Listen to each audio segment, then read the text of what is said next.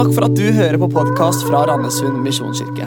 Denne talen er spilt inn på en av våre gudstjenester, og vår visjon er å hjelpe mennesker til tro på Jesus og et liv med Han. Gå inn på mkirken.no eller Randesund misjonskirke på Facebook for mer info.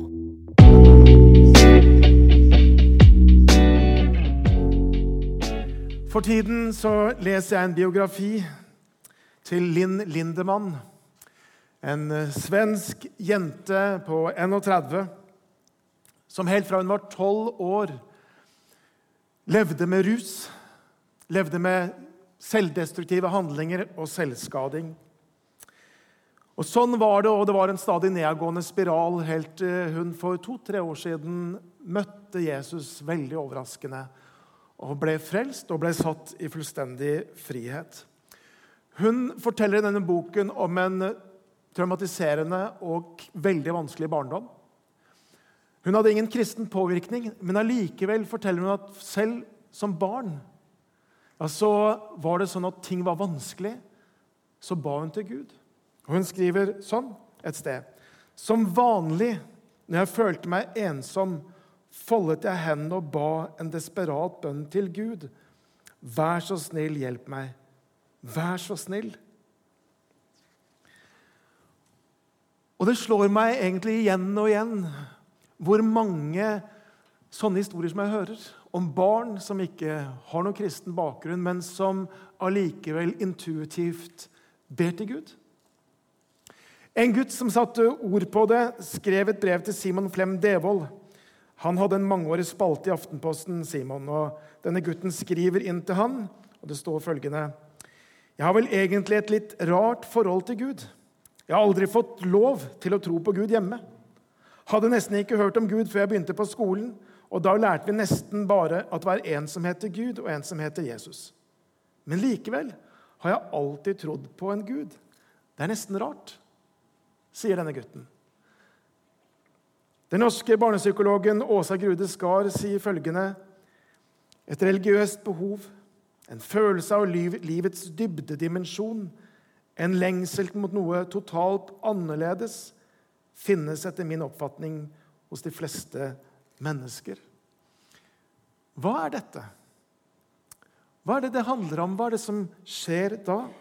I Bibelen, i Salme 42, vers 2, så står det slik Som hjorten lengter etter bekker med vann, lengter min sjel etter deg, min Gud. Det finnes tror jeg, hos veldig, veldig mange mennesker. Et sånt i vårt innerste dyp, i vår, dypest i vår sjel, en sånn savn.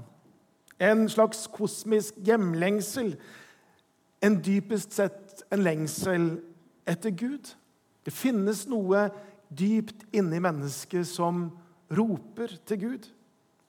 En annen bibelbok fra Det gamle testamentet, Forkynneren 3,11, så står det sånn og Dette er fra 78-oversettelsen. så står det også evigheten har han lagt ned i menneskers hjerter. Det finnes et slags ekko av evigheten. Det finnes en bit av evigheten inni oss som søker evigheten der oppe. Og så er vi evighetsvandrere her nede. Og Derfor så finnes det en sånn underlig motsetning i veldig mange. Og det er dette at på den ene måten så vender vi Gud ryggen. Og vi ønsker mange å ikke ha noe med han å gjøre. Eller i hvert fall så ønsker man å ha en slags distanse, en armlengdes avstand. Ikke slippe Gud for nær. Liksom, det er den ene siden av det. Og så På den andre siden så er det dette inni vårt dyp som søker Gud, som lengter etter Gud, som søker det Gud har. Den amerikanske forfatteren Dan Millman han skriver i en av sine bøker en interessant historie om en liten jente på fire år som het Sashi. Og Like etter at Sashi hadde fått en lillebror, så begynner hun å mase på foreldrene sine om hun kunne få lov til å være aleine med denne nyfødte. Og Foreldrene de var litt skeptiske. Sashi var fire år, og fireåringer kan jo være litt sånn sjalu. De var redd for at hun skulle liksom benytte anledningen til å klype litt eller riste litt. eller liksom et eller annet. Så de sa nei. Du får ikke lov. Vi må være der sammen med deg. Og så så de henne rundt denne lille broren, og så var det ikke noe sånn hardhendt eller ga ikke noe uttrykk for noe sjalusi. Så etter hvert så maste hun bare mer og mer, og til slutt så sa de ok, du skal få lov. Og så opprømt så gikk denne lille fireåringen inn på rommet der denne lillebroren lå. Og Så lukker hun døra etter seg, men det var nok glepp til at nysgjerrige og kanskje litt spente foreldre kunne stå og kikke inn.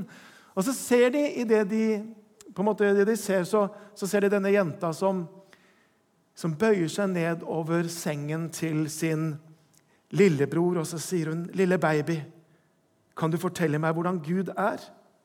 'Jeg har begynt å glemme det.' Så skal vi ikke lese for mye teologi eller psykologi inn i denne historien. Men den fire år gamle Sashi hadde altså en opplevelse av et gudsbilde som holdt på å falme. En opplevelse av at hun holdt på å glemme hvordan Gud er. Så tenker jeg kanskje er det også sannheten om mange. At det er et gudsbilde der som var der, men som har falmet. Om en tro som har svunnet. At på et eller annet tidspunkt så glemte vi Gud. Kanskje var det bare livets gleder eller sorger som tok en. Eller kanskje det var livets travelhet og stress. Kanskje noen har en opplevelse at nei, det var ikke jeg som glemte Gud, det var nok han som glemte meg. For der i barndommen hvor Gud burde ha vært, ja, der erfarte han ikke. Eller desperate bønner som forble ubesvart. Så er En dag så er troen Guds relasjon et sånt svakt minne. Jesus forteller i Lukas 15 en fantastisk lignelse om en far og to sønner. Og Far i denne fortellingen representerer Gud, og de to sønnene er på mange måter et bilde på mennesket. På hver sin måte så glemmer disse to sønnene både at de er sønner, og de glemmer hvem Gud er, de glemmer hvem far er. Den yngste sønnen han forlater barndomshjemmet og hjemsted og raser ut i verden på jakt etter spenning, lykke og nytelse. Og det finner han i party- og jetset-liv. Det står i Lukas 15, vers 13 slik.: Ikke mange dager etter solgte den yngste sønnen alt sitt og dro til et land langt borte. Der sløste han bort formuen sin i et vilt liv. Og så varer det der bare så altfor kort. Pengene tok slutt. Uflaks fulgte uflaks. Og Den yngste sønnen han ramlet så dypt ned og så langt ned i samfunnet det var mulig å komme. Grisepasser på luselønn, det var det han ble.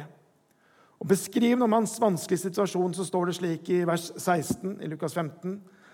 Han ønsket bare å få mette seg med de belgfruktene som grisene åt, og ingen gav ham noe. Det Var langt unna faderhus og barndomshjem. De fleste av dere har sikkert hørt om Billy Graham. Men på slutten av 1940-tallet var det imidlertid en annen evangelist som var like kjent nemlig canadiskfødte Charles Templeton. Og Billy og Charles de var også gode venner, og de samarbeida om møteuker og kampanjer og korstog. Men et eller annet sted der i livet så kom tvilstankene inn i Charles sine tanker og sitt sinn. Og Etter hvert så vokste disse tankene med tvil så mye at han til slutt bestemte seg å gå bort ifra Gud. Han har avsluttet sin kristne tjeneste, og så gir han også ut boka 'Farewell to God', hvor han forteller om sin vandring bort fra Gud. På slutten av sitt liv, da han var 83 år gammel, så ble Templeton intervjuet om sitt liv og sin tjeneste. Og så På et tidspunkt der så spør intervjueren han om hva han tenker om Jesus. Og så gir denne Charles Temple, som har forlatt sin tro, et svar som egentlig ble veldig overraskende. Han sier, 'Jesus er det største mennesket som noensinne har levd.' 'Han er rett og slett det klokeste mennesket jeg noensinne har møtt i mitt liv eller mine studier.' 'Han er det viktigste i mitt liv.' Jeg vet det kanskje høres litt merkelig ut, men jeg må si jeg forguder ham. Alt godt jeg kjenner alt bra jeg vet om, alt som er rent, har jeg lært av Jesus. Han er det viktigste mennesket som noen gang har eksistert. Og så legger han til, og hvis jeg kan si det slik Jeg savner ham. Og idet han sier det, så veller tårene fram i Charles Templetons øyne. Og han gråter åpentlyst etter hvert. Og så er intervjuet over. Charles Templeton dør i 2001, bare tre år etter dette intervjuet. Om han gjorde noe med sin lengsel etter og savnet etter Jesus, det vet tror jeg ingen. Men en som gjør noe, som tar en beslutning til å gjøre noe med sin hjemlengsel, om å vende hjem til faderhuset, til Gud, det er den yngste sønnen i Jesu lignelse om den bortkomne sønnen.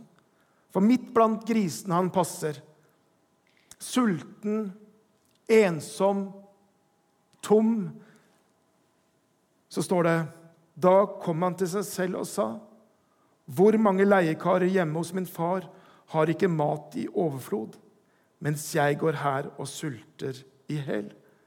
Jeg vil bryte opp og si til min far, jeg har syndet mot himmelen og mot deg.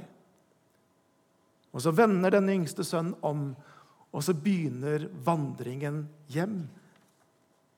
Hjem til Faderhuset.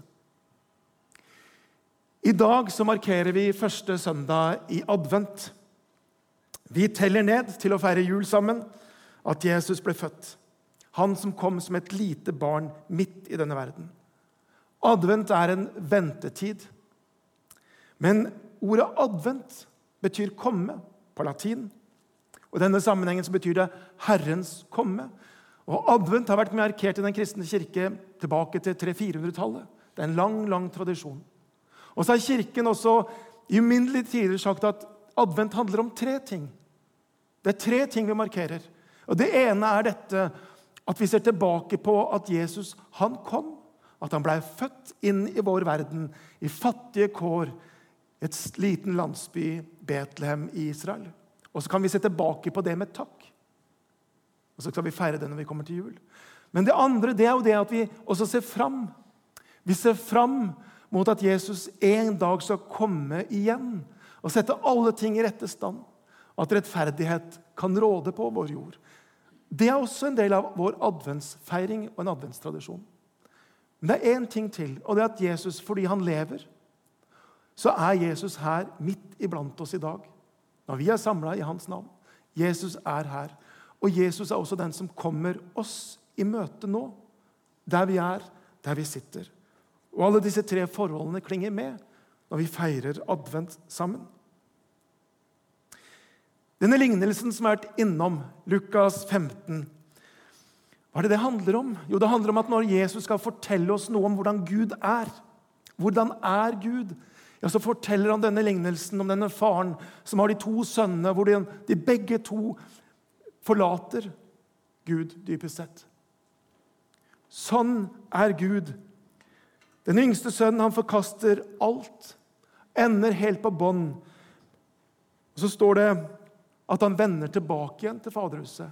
Men når han går der på den stien, full av skam, full av anger, full av følelsen av å feile på alle punkter, ja, da står det i denne lignelsen følgende Da han ennå var langt borte, fikk faren se ham, og han fikk inderlig medfølelse med ham.